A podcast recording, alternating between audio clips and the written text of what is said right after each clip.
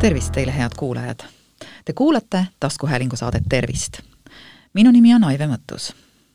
eelmises saates krabistasin ma äh, stuudios Maalehega, nüüd aga on minu ees laual ajakirja Tervis pluss veebruari number ja olen teile siit ettelugemiseks valinud artikli talisupplusest. loo autor on ajakirjanik Liina Liisvelt. Maarjamaa kõige popim hobi näib tänavu olevat suplus jäises vees nii palju pilte ja videosid külmas vees puristamisest pole erinevates meediakanalites nähtud Kevade filmi Teelestseenist saati. kes ei tea, siis selles filmis uisutasid koolilapsed jääl ja teele kukkus läbi nõrga jää vette. kas innukad eneseületajad aga ka teavad, et paljudele ei pruugi see ekstreemne ala, talisuplus siis, tervislikel põhjustel sobidagi kes poleks flirtinud mõttega, et endalgi oleks tore uhkustada sotsiaalmeedias vapra talisuppluspildiga, kes ei tahaks tunda palju kiidetud külmajärgset eufooriat ja kuulutada, et pole juba aastaid köha-aega nohu käes vaevelnud. kui karastamine ei ole aga siiani su igapäevarituaalidesse kuulunud, ütle siinkohal stopp. tervis ei ole mänguasi.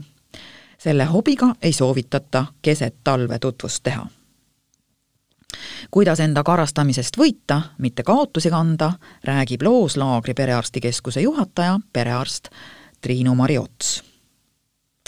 millised on talisupluse tõestatud kasud tervisele? tervele inimesele pakub talisuplus piisavalt füüsilist koormust ja väljakutset. seda regulaarselt ja mõistlikult harrastades saab suurepäraselt oma keha treenida külma veega karastamise mõju on palju uuritud ja tõestatud, et see parandab immuunsüsteemi võimet tulla toime mitmesuguste haigustekitajatega. seega on regulaarselt talisuplemist harrastavad inimesed hooajaliste viirushaiguste suhtes vähem vastuvõtlikud. kuna talisuplus ei kesta enamasti kaua, on ka kehalise koormuse aeg lühike ekstreemse temperatuuri tõttu käivitub aga organismis palju reaktsioone, mis kehale kiiresti mõju avaldavad sellest tulenevad ka jäises vees kümblemise kasud. saavutame suhteliselt lühikese ajaga suurema energiakulu ja koormuse. kõike õigesti tehes treenime südant ja veresoonkonda. samuti mõjub regulaarne ja kontrollitud tingimustes talisuplus hästi harrastaja vaimsele tervisele, sest käivitub hormoonide kaskaad, mille tulemusena suureneb ka heaoluhormoonide endorfiini, dopamiini ja serotoniini sisaldus organismis. milliste tervisemuredega inimestele see ala aga kindlasti ei sobi. väga üldistatult võib öelda, et mõistlik karastamine külmas vees sobib kõigile, kuid oluline on tunda oma piire ja kindlasti ei tohi võtta põhjendamatuid riske äkiline jääkülma vette hüppamine ei sobi kohe kindlasti südamerütmi häirete korral ega ka teistele südamehaigetele, kõrge vererõhu ja vereringe häiretega inimestele just süda ja veresoonkond satuvad ootamatus külmas suure koormuse alla. perifeersed veresooned ahelemad, kasvatades verevahtu südames ja suurtes veresoontes. ettevaatlikult ja mõistlikult planeerides võivad aga ka südamehaiged end külmas vees karastada, kuid see ei saa tõesti olla juhuslik tegevus samuti peavad talisuplust harrastades ettevaatlikud olema krooniliste hingamiselundite haigustega inimesed, lihasehaiged ja süsteemse sidekoehaiguse põdejad. kuid kas on vaevusi, mille korral talisuplus tõesti leevendust toob? jah, vastab tohter. soovitav on see inimestele, kel on kõrge stressitase, suur töökoormus ja sellest tekkinud väsimus siia loetellu kuuluvad ka une- ja meeleoluhäirete ning kroonilise väsimuse sündroomi all kannatajad. iseäranis on talisupplusest kasu depressiivsete meeleoluhäirete korral. samuti on tõestatud, et talisuplus aitab ennetada dementsust. kuidas alustada nii, et me endale liiga ei teeks? kõige parem on harjutada keha madalama temperatuuriga ettevaatlikult ja järk-järgult. hea mõte on alustada suvel igapäevaselt ujumist ja jätkata seda tegevust sügise saabudes. ning äh, nii saab sujuvalt jõuda ka talve. talisuplust ei tohiks harrastada üksinda, sest paratamatult äh, tekivad omad ohud alates libedaga kukkumisest kuni teadvuse häireteni.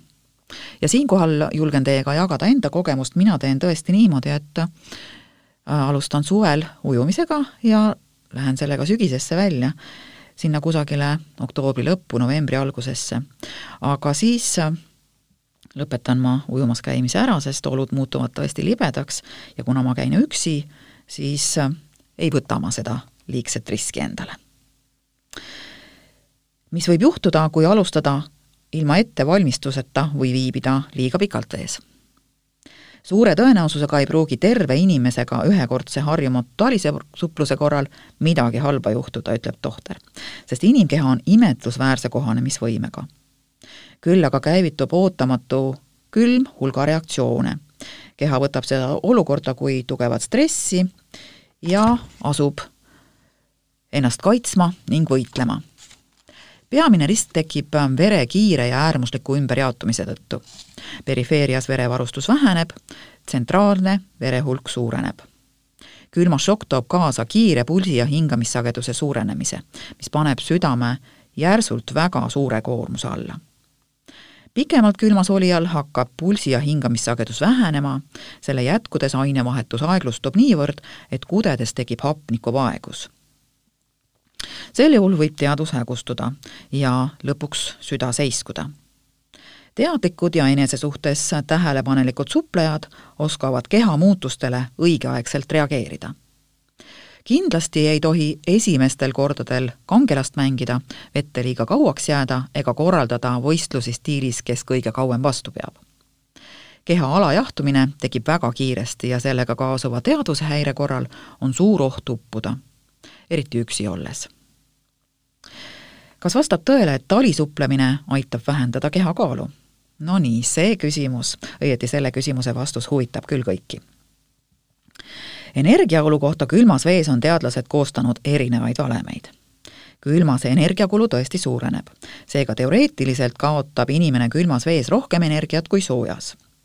samas lülitub keha sellises äärmuslikus keskkonnas ümber säästurežiimile ja püüab pigem energiat kokku hoida, et temperatuuri säilitada seega väita, et vaid suurenenud energiakulu pärast saab talisupplemisega ruttu liigsest kehakaalust lahti, on vale tähtsad on regulaarne füüsiline koormus ja tervislikud eluviisid, mis kõik kokku aitavad inimesel vormis püsida. ja lõpetuseks küsib ajakirjanik doktor Triinu Mari Otsalt, mida tohter soovib veel taalisuplusest äsja vaimustunud huvilistele südamele panna. Iga inimene on eriline nii oma keha kui mõttelaadi poolest. soovitan alati trende enda seisukohast hinnata, mitte võtta kõike pakutavat pimesi omaks, ütleb äh, tohter. igast popist hobist, dieedist või treeningust tuleks just endale, endale sobiv välja noppida, koostada isiklik treeningplaan ja võrrelda ennast ainult endise minaga, mitte naabri või sõbraga naaber võib ju hüpata igal hommikul jääauku, kuid minu tervise jaoks võib väga suur võit ja edasiminek olla juba seegi, et ujun terve suvi iga päev ilmaoludest hoolimata. nagu ka see, et elan täna õnnelikumalt ja tervislikumalt kui eile. edu valem on püsi-, püstitada jõukohaseid eesmärke ja nende saavutamise üle uhke olla. ning toon teieni ka taalisuplusega alustaja kaheksa kuldreeglit. Treeni end kõigepealt koduse külma dušiga. ära suple kunagi üksi, see ei ole turvaline suplema mine vaid tervena ja hea enesetundega. võta kaasa soe jook, mida pärast suplust juua. libista end vette rahulikult, ära hüppa.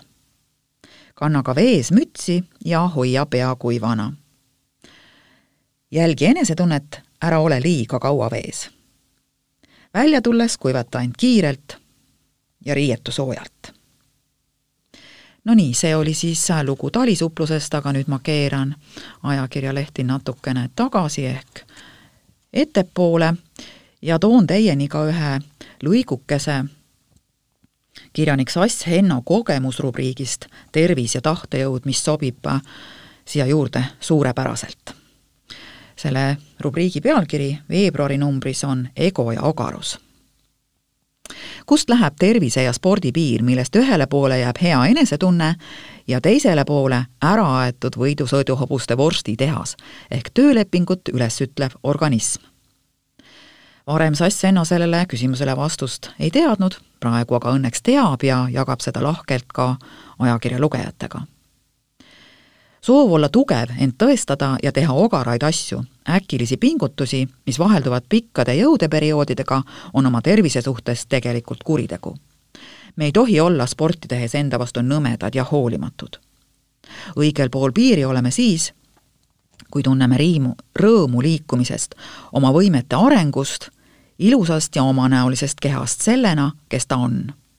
meie mõtteid kuulav tubli tööline meie hinge mõnus hotellituba, kust lahkume loodetavasti terve mõistusega ja kõrges eas. kui hakkame end piitsutama ja oma keha vaid ego upitamise vahendina kasutama, keerab ta meile ühel hetkel selja, keeldub koostööst ja näitab koha kätte. hea kuulaja, sa tead täpselt, milleks võimeline oled. seda on rohkem, kui keegi sinust usuks aga enne seda, kui su tõelised võimed avalduma hakkavad, pead ka mõistma, et elu pole tegelikult võistlus. see pole olümpia endast ja teistest parem olemise nimel, vaid endaga rahu tegemise kauakestev koolitus.